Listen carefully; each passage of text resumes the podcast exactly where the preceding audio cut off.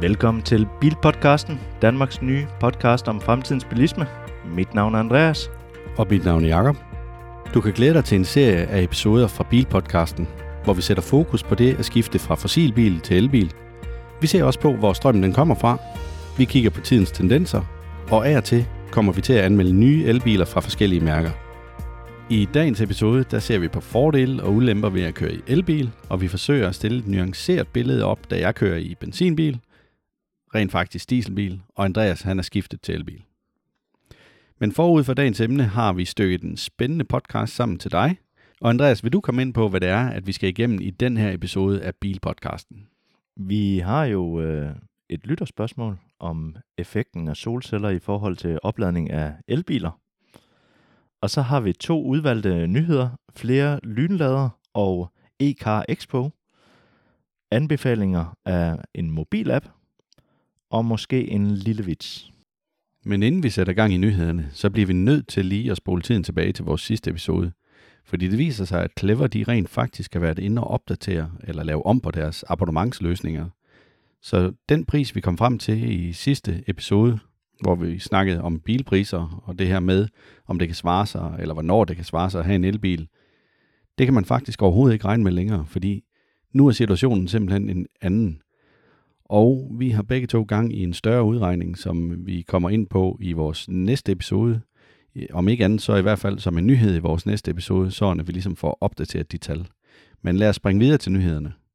Og hvis jeg lige skal komme ind på den første nyhed, så er det det her med, at øh, det kniver lidt med lynladerne rundt omkring på Danmarks vejnet, men der åbner hele tiden flere og flere op.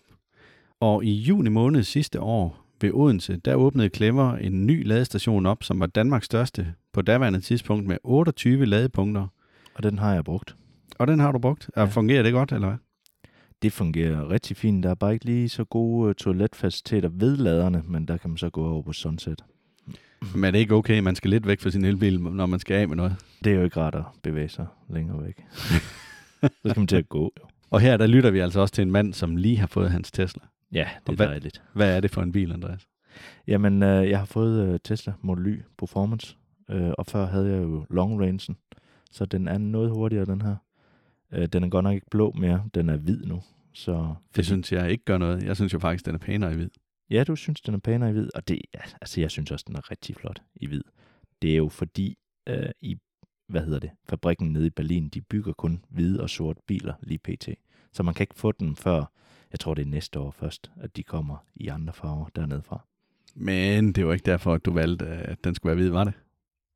Nej, så kostede det jo også lige 30.000 mere, hvis man skulle have den i blå. Det synes jeg var en chat. Og det er jo på grund af afgift blandt andet, men også at Tesla, de synes, vi danskere, vi lige skal give det dobbelt af de farver, der har været lidt populære. ja, det er, det er ret vildt. Nå, jeg springer tilbage til nyheden. Og det var det her med ladepunkterne. Og faktisk her i 2023, der kommer der 30 nye ladepunkter nede i Sønderjylland på en helt ny ladestation, der kommer til at ligge i nærheden af E45 afkørsel 70, som ligger mellem Røde Kro og Åben Rå. Og stationen den bliver 6.000 kvadratmeter. I alt der vil Clever anlægge 700 øh, ladepunkter i løbet af det kommende år. Og så skal jeg lige huske at nævne, at der kommer yderligere 6 lynlader ved Vejle Syd, som kan levere op til 300 kW. Ja. Og grund til, at jeg lige nævner øh, Vejle Syd, det er jo fordi, at jeg bor i Vejle. Ja, du bor jo et stenkast fra næsten, ikke? Det er jo det. Men Andreas, du vil fortælle lidt om øh, e-car Expo. Ja, fordi vi har været i dialog med øh, Camilla Messer Thomsen så fra e-car Expo, og Ecom Expo i Danmark. Hun fortæller lidt om de tre vigtigste punkter, eller grunden til at tage til ECAR Expo ja. 2022. Ja, vi bad hende faktisk om at komme med de tre vigtigste grunde til vores lyttere, de eventuelt skulle øh, overbesøge den messe der. Ja, lige præcis. Øh, den første, det var, at øh, vi samler alle markedets nye og højaktuelle eldrevne biler, cykler, løbehjul og opladningsløsninger under samme tag. Og nummer to, det er, du kan prøve dem på stedet. 56 prøvekørselsbiler, og så kan man selvfølgelig købe dem også. Eller reservere dem, er det nok, fordi at... Ja, det er, nok, det er nok nærmere at bestille dem, for det er jo ja. nærmest umuligt at få fat i dem. Der er ikke, jeg kender ikke til nogen elbiler, som der ikke er leveringstid på. Jeg, Nej, så skal du købe dem brugt i hvert fald. Og den sidste tredje her, det er mød de mest vidne og erfarne inden for bilopladning og tech-branchen og få svar på alle dine spørgsmål. Ja, det lyder alt sammen meget spændende. Jeg, jeg vil virkelig gerne med, men øh, jeg kan ikke den weekend. Nej, det kan jeg desværre heller ikke, ellers så var det helt klart noget, vi skal over og have, have dækket lidt i forhold til vores lyttere. Ja. Eller dig, der sidder derude og måske også gerne ville have været med, men heller ikke har mulighed for det. Men det, det skal jo ikke være en reklame for øh, EK Expo 2022, men det er bare så vigtigt, og det er jo Ja. lige noget, der er relevant for, for dig, der lytter til den her podcast. Det er jo der, det sker, og det er der, man ser det nye, og brænder man ind med et spørgsmål, så kan man måske stille det der. Man kan også gøre det på vores Facebook-side, så kan vi jo måske tage det med i et senere afsnit.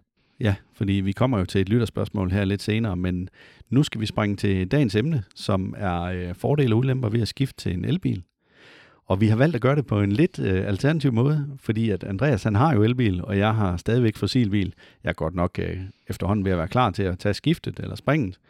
Men vi har så valgt at gøre det på den måde med, at Andreas han kommer med en fordel for en elbil, og så prøver jeg på at skyde den ned, og jeg kommer med en ulempe, og så prøver han ligesom på at afværge det. Ja, det må vi se, hvordan det går jo. Men Andreas, vil du prøve at komme med den første fordel ved at skifte til en elbil? Jeg prøver lige at komme med den første her. Det kan være noget billigere at køre i din elbil, hvis du har styr på dit prisniveau.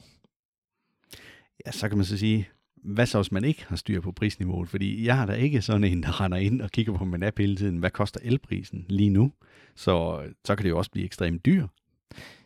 Ja, det kan det, og, og, men vi har jo faktisk lige lavet vores seneste afsnit om priser på diesel, benzin og el.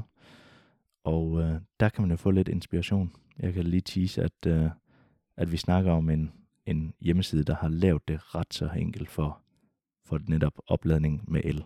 Ja, i forhold til, hvad for en opladet løsning man skal vælge. Ja, lige Ja, nøjagtigt. lige præcis. Ja, så der bliver vi nok nødt til lige at anbefale, at man tager et lyt til vores episode nummer et. Det er jo det. Yes. Men øh, Andreas, så en ulempe, det synes jeg jo er, at det her med, når du skal på ferie, så tager det noget længere tid, fordi du skal planlægge ferien. Jamen, det er jo bare dejligt, at man lige får lov til at løbe sin ferie igennem, inden man tager afsted. Men der er så meget andet, man skal planlægge. ja, det, det er selvfølgelig rigtigt. Men i dag så betyder det ikke så meget, fordi du har ret hurtige lader, og man skal også lige ind og have noget vand, og man skal også lige have tisset af, og man skal måske have lidt at spise. Og, og de fleste gange, så skal du måske holde der i et kvarter 20 minutter, og så er du videre igen. Og det, det synes jeg er rart at lige få strukken benene og sådan noget. Og når vi nu siger planlægning, så kan de fleste nye elbiler altså planlægge det for dig. Så du egentlig bare går ud i din elbil, taster adressen ind, så siger den, du skal holde der og der og der, og så kommer du hele vejen derned. Det gør den ikke i din dieselbil. Nej, altså der kan jeg jo så sætte min telefon op i sådan en holder, jeg har. Nu er det jo ikke en, det er jo ikke en sprit ny bil, jeg har. Den er jo trods alt fra 2008. Der var Ja. ikke så mange skærme i bilerne dengang. Nej. Øhm, men så kan jeg da taste ind, hvor jeg vil hen af, og så kan den da godt fortælle mig, hvor der ligger en tankstation. Jamen, det er det. Men nu har jeg jo en, en god en til dig, Jacob. At komme ud hver eneste morgen til en opladet bil, og ikke skal tænke på det. Ja, men Andreas, hvad så med alle de gange, hvor man lige har lyst til at komme ind på tankstationen? Altså, du undgår jo fuldstændig det der med, at du skal derind. Og du vil godt have en træstamme og en Pepsi Max. Jamen, det kan vi jo begge to godt lide, desværre, men, men uh, Det kan man se på formen. ja. Men altså, så må vi jo spare de kilo. Så. ja, det er selvfølgelig rigtigt. Det er selvfølgelig rigtigt. Ja, men, uh, men jeg vil lige pointere det der med, at hvis man har en, en lader derhjemme, øh, så er det jo egentlig bare 5 sekunder, du lige bruger på at proppe dit stik i, og når du kommer hjem fra arbejde, ikke? Og så 5 sekunder til at tage den ud, og så kører du afsted. Ja, så er det vel egentlig den fordel, at du kan bede den om at være varmet op til, når du kommer ud i den næste morgen. Ja, det er simpelthen så dejligt her om vinteren, at du bare har en, et, kommer ud i en bil, der er 20 grader varm allerede og sådan noget. Og jeg ved godt, det koster lidt energi, men altså, ja, når man nu har et abonnement, så er det jo dejligt. Så har jeg en anden ulempe. Hvis det er sådan, at du øh, kører med trailer eller campingvogn, så synes jeg jo ikke, du kan køre ret langt med en elbil. Nej, der skal man jo nok ind og, og vurdere, hvor tit man gør det. Fordi kører man øh, til Italien eller et eller andet øh, fem gange om året, så, øh, så bliver det ikke sjovt med, en, med de elbiler, vi har nu til dags. Men altså, teknologien bliver jo hele tiden bedre, så de kører jo længere og længere på en opladning. Men jeg vil sige, elnettet er måske ikke helt beregnet til, at du har en trailer eller en campingvogn på, og så kører ind på lynladerne.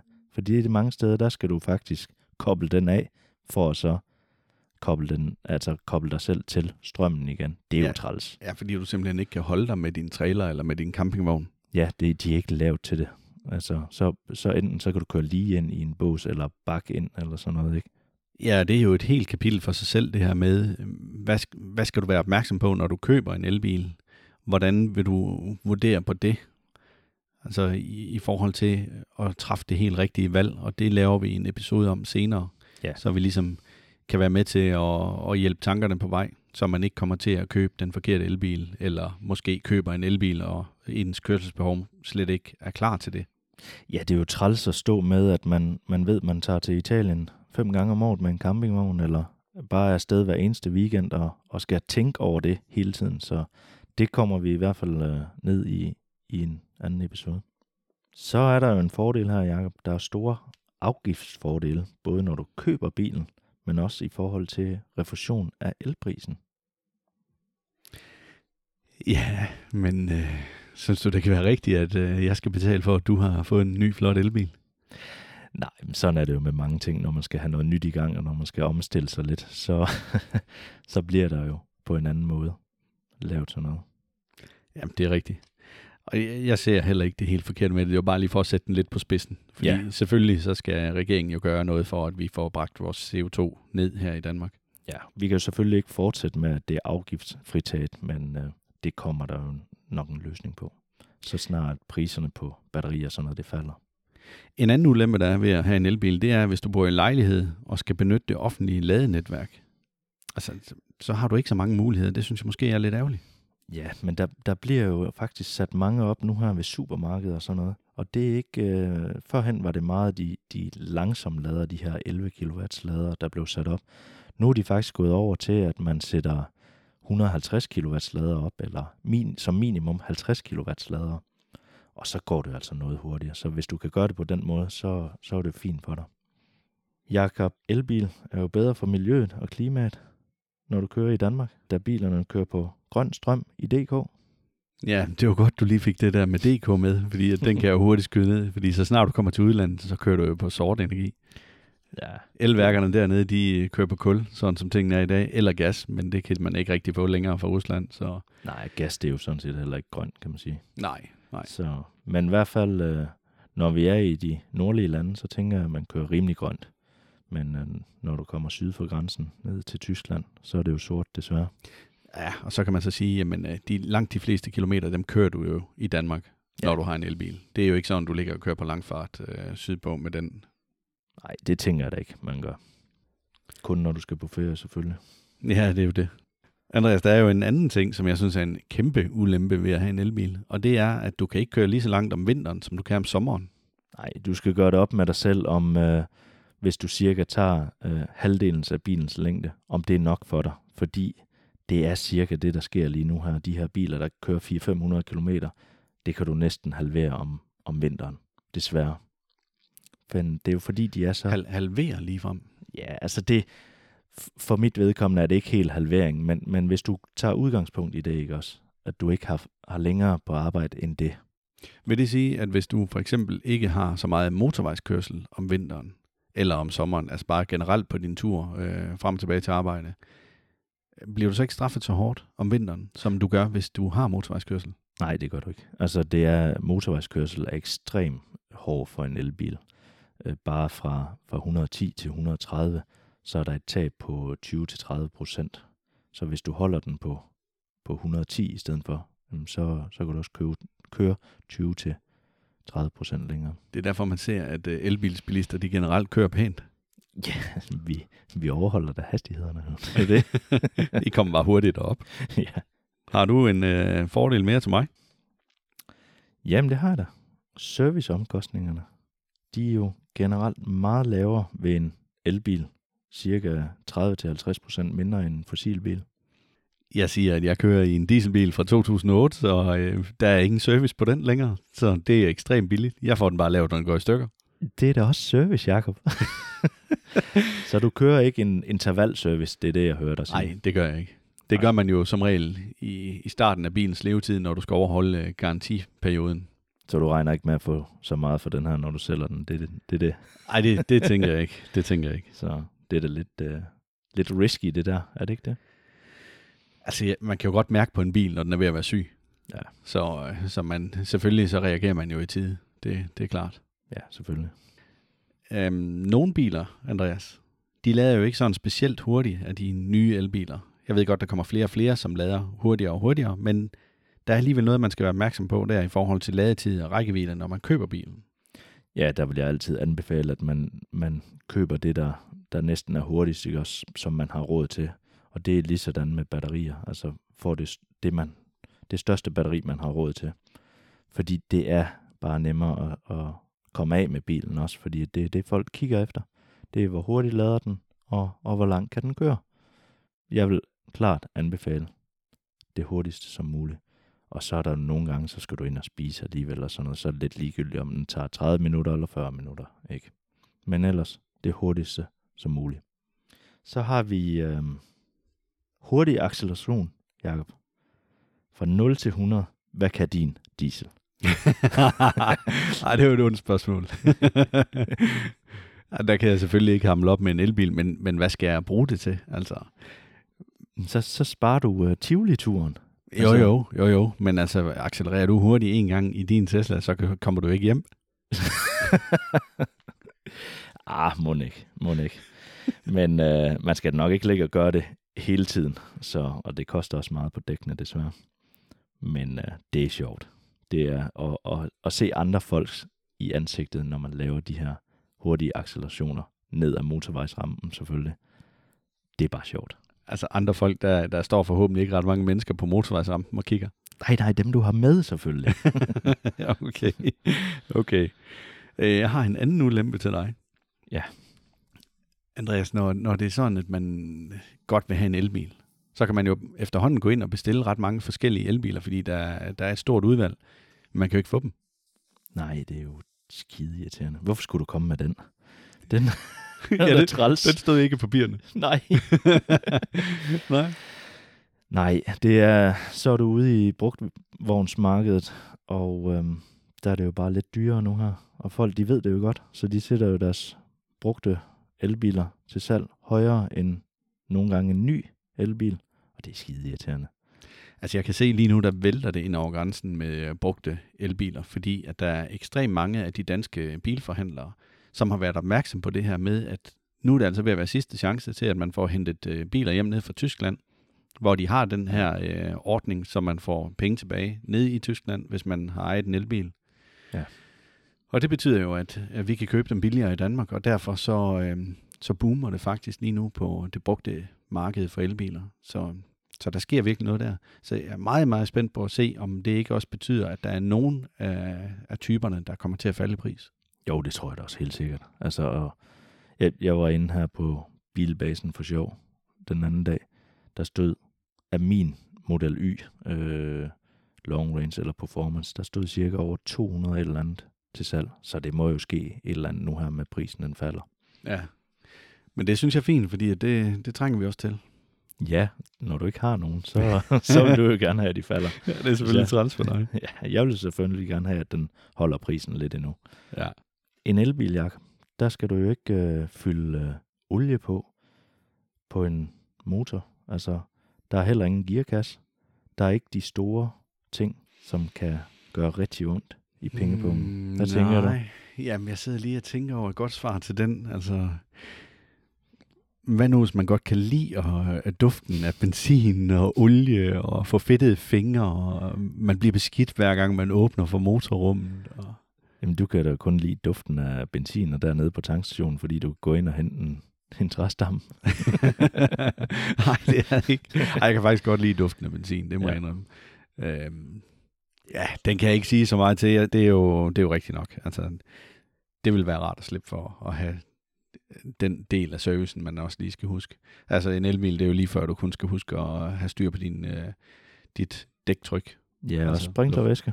og sprinklervæske. Så, så er der næsten heller ikke andet.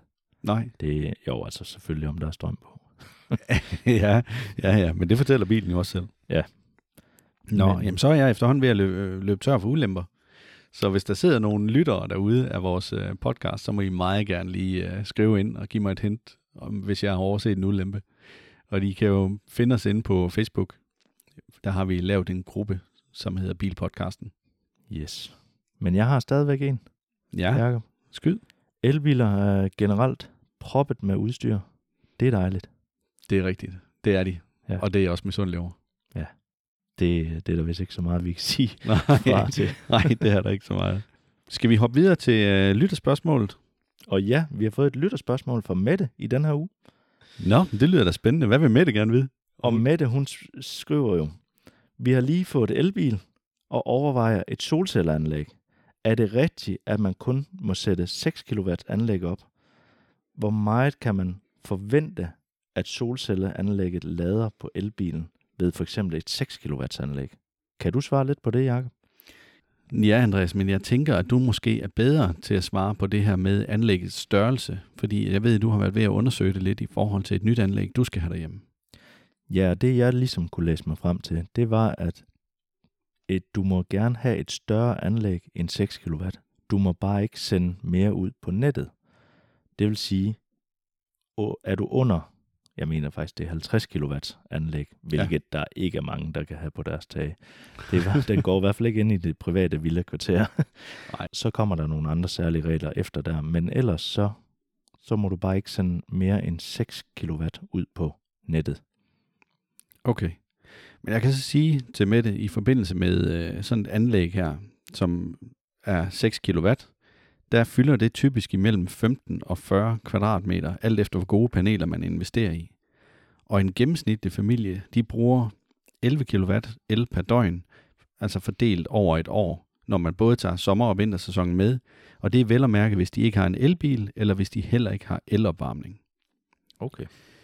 Et 6 kW anlæg kan så under helt optimale forhold levere de her 6 kW i timen. Det er simpelthen det, det betyder. Og det, helt optimale forhold, der vil det sige, at der skal solen skinne fra en skyfri himmel, så burde den kunne levere det. Og det passer med, at du kan sende de her 6 kW ud på elnettet. Øh, Ja, Og det er omkring kl. 12, eller hvad? Ja, men det er der, hvor, hvor solen den skinner mest direkte ned på dine solceller. Okay. Så, og det kommer så også an på vinklen, eller hvordan? Ja, er det, det, vil, Ja. det vil det gøre. Det vil det gøre. Men, men i og med, at solcellerne de bliver bedre og bedre, så giver det næsten sig selv, at så, så kan de også suge mere energi ud af solen, øh, selv fra øh, en større vinkel end, end tidligere, hvor man altid så dem stå i de her 45 grader.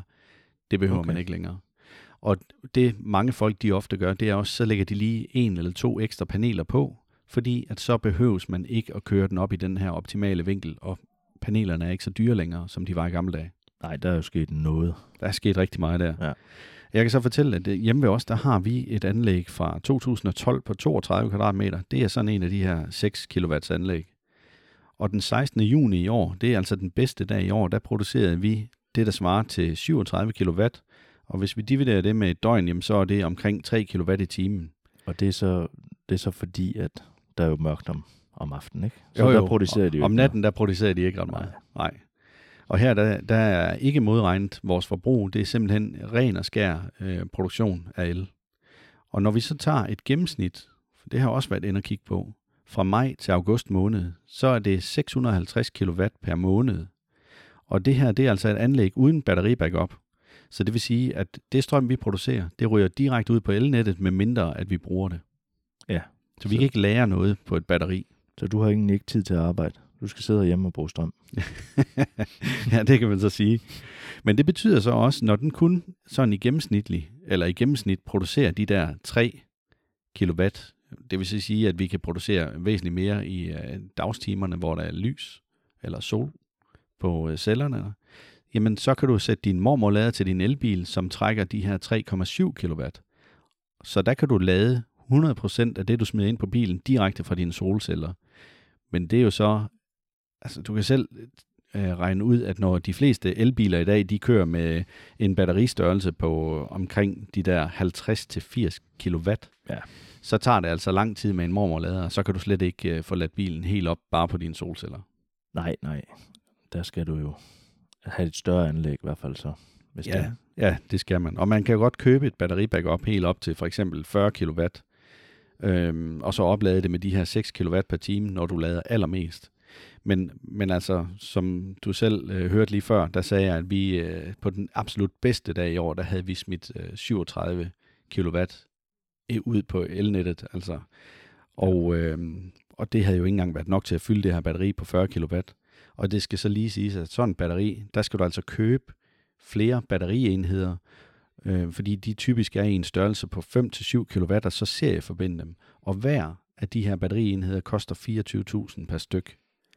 Det er også meget teknisk nu, er jeg. Ja, det bliver lidt langhårdt. Ja, det gør Men, men det siger bare lidt om, at det er altså rigtig mange penge, at du skal investere for at få et øh, ret stort batteri til dit, til dit solcelleanlæg.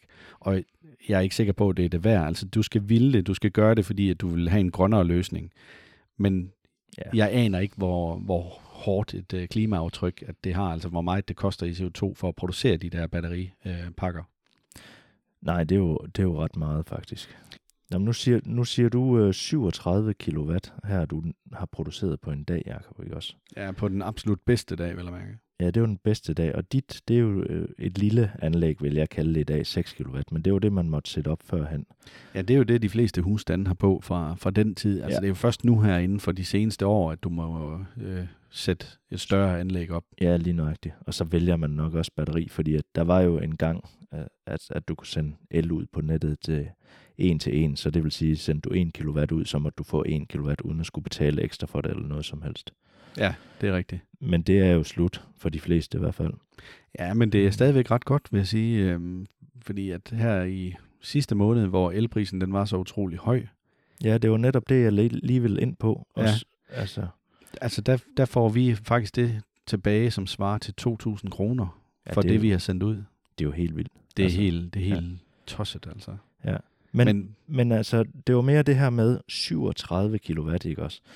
Fordi hvis vi kører jo begge to rigtig langt, men, men har du nu nogen, der har købt en elbil, der faktisk kun har 25-30 km på arbejde, som jeg mener 25 faktisk er gennemsnittet for de fleste, at de har ja, på arbejde, ikke? ja, så skal de jo ikke bruge 37 kW. Så det kan jo godt være, at Mette heroppe ikke har så langt på arbejde. Så hvis hun har batteribanken, og ikke så langt, så kan det give mening. ja, hvor stor skal den batteribank så være? Altså, Jamen, man, man kører jo cirka de her 5 eller 4 til 5 km på en kilowatt-time. så er det omkring 10 stykker. Lige præcis. Ja. Så det er jo kun 10 kW, hun, hun så skal bruge, hvis det Ja, er. så det er så to af de her batterienheder til 50.000. Ja. Alt i alt. Ja. Som lige skal installeres også. Ja, det er så det. Så, Ja. Så det løber selvfølgelig opad. Det gør det, men hvis du har en, en, en pris på 9 kroner per kilowatt-time, ikke også? Og det er også det, der var lidt sjovt med, at regeringen vil skrue på det der med afgiften, men det er jo ikke det, der er højt mere. Ej, fordi det der er højt nu, det er jo selve elprisen. Det er jo 8 kroner, har det været, for selve bare elprisen uden afgifter. Hvad er det afgiften, den er i dag? Jamen det er en, jeg mener, jeg giver derhjemme en krone og 39, så det, det er omkring en krone, og så kommer transportafgift og sådan noget oveni. Det kan du selvfølgelig ikke undvære, hvis, medmindre du har dit eget anlæg. Ja, det er rigtigt. Nå, men øh, jeg håber, at øh, du er tilfreds med svaret med det. Og øh, ellers så må du skrive ind igen, så må vi se, om vi kan uddybe det. Men Ja. jeg mener i hvert fald, at vi er kommet sådan rimelig godt omkring det her med, øh, hvad der skal til, for at du får det maksimale ud af dit solcelleanlæg i forhold til at lade en elbil op. Lige præcis.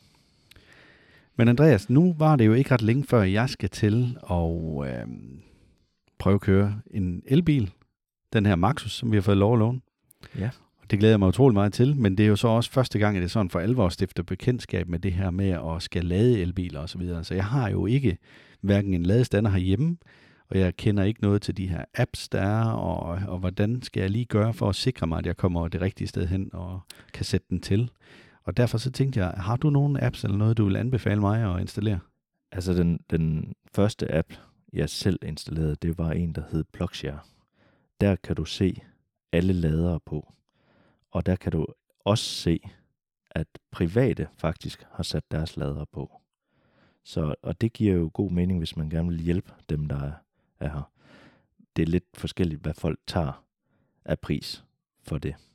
Okay, kan man se prisen i appen?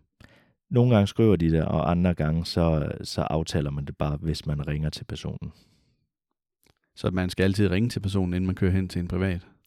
Det tænker jeg er en god idé. I hvert fald hvis det, det står også nogle gange derinde, hvordan man vil kontaktes og sådan noget.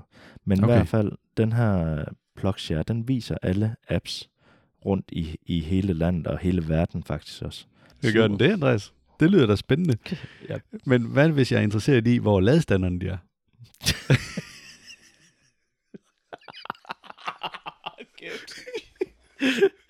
Uh, Det kan godt være, at jeg ikke klipper det ud.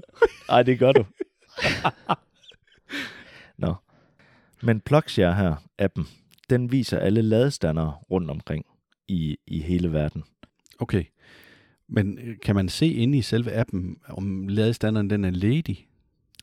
Nej, det er jo så det, der er problemet, ikke? Altså fordi, at du kan, i dag så kan du godt se i, i apps, at man oplader. Men er der nu en elbil, der holder er færdig opladet, så vil den ladestander stå som at være fri.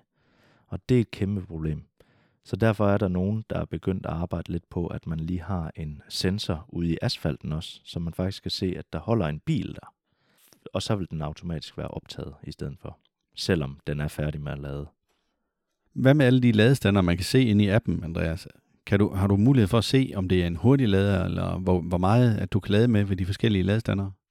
Ja, der står faktisk altid, hvad, hvor meget output der er på den. Det vil sige, at det er en 22 kW, så kan den lade med 22 kW, men kan din bil ikke, ikke tage det, så lader den jo altså ikke så hurtigt. Nej, det er klart. Så, men, og der står også, hvad udbyder det er, og sådan noget.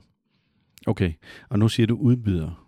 Ja. Er det så det næste problem, jeg står med? Altså, kan jeg betale for strømmen ved de, ved, ved de forskellige? Altså, kan man bare betale med dankort, eller skal man være medlem, eller hvad? PlugShare her, der kan du faktisk øh, lægge dit kort ind, altså dit øh, betalingskort ind, og så kan du betale med appen ude på stedet. Jeg er ikke 100% sikker på, at det virker ved alle udbyderne, men den her app, den virker i hvert fald, så du kan betale med den derude også. Alle de øh, ladestander, som der er vist på PlugShare, der vil du kunne betale med PlugShare, eller er det sådan, jeg skal forstå det? Nej, desværre. Altså, det er, det er nok nogen, der har lavet samarbejde med PlugShare, hvor du så kan bruge deres app. Så hvis det nu er en privat, der har lagt hans øh, ladestander ud, så kan du ikke. Fordi så betaler du direkte til ham. Men det bliver da spændende, om jeg kommer til at holde et eller andet sted, og så kan jeg ikke få lov at betale. Altså, man skal jo lige gøre lidt inden for det, og det er desværre også sådan lidt en jungle. Øh, men det bliver da bedre og bedre hele tiden. Men en ladebrik fra en eller anden operatør, så kommer du langt. Så kommer jeg langt. Altså en ladebrik fra en eller anden operatør, så kommer jeg langt. Ja, den kan jo bruges. Det, det er fordi, de roamer. Så derfor. Nå, okay, så det vil sige, hvilken, uanset hvilken ladeoperatør jeg har en ladebrik fra, så vil jeg kunne tanke med den på alle de andres Ja. øh, ladestandere. Måske ikke alle, men i hvert fald mange. De er, det er blevet et krav, at man kan det. Og holder man, Øh. øh, holder man telefonen op ude på standeren så? Eller? Nej, men øh, man vælger den inde i appen, og så er du tæt på den. Det kan, det kan se. Okay. Nå, jamen, øh, det bliver jo så i hvert fald spændende. Ja. Men Andreas, jeg har jo faktisk også været inde og finde en lille bilvits. Ja, det, Så øh, håber jeg, at du synes, den er god, men øh, jeg synes i hvert fald, den er relevant i forhold til emnet i dag. ja. Andreas, ved du, hvad ligheden den er mellem en elbil og diarré? Nej, der må jeg nok melde pas. Det er angsten for ikke at nå hjem i tide.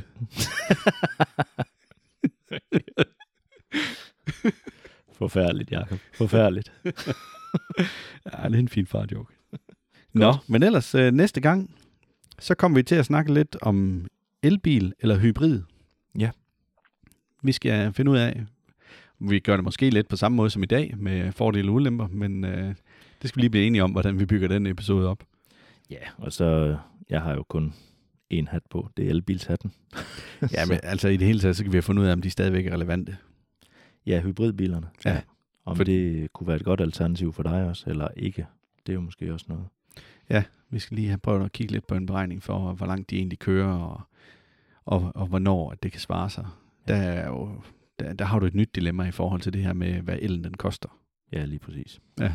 Så, Fordi jeg kunne i hvert fald høre i nyhederne, at der er flere og flere, der er begyndt ikke at tanke el på, fordi det simpelthen er for dyrt i forhold til, hvor langt at bilen den kører på en kilowatt. ja, og så er man i hvert fald ikke over i, i den grønne omstilling, vel? Altså, Nej, nej, overhovedet ikke. Så gør du det jo kun for, øh, altså fordi at du havde mulighed for at købe en bil, der var billigere på daværende tidspunkt.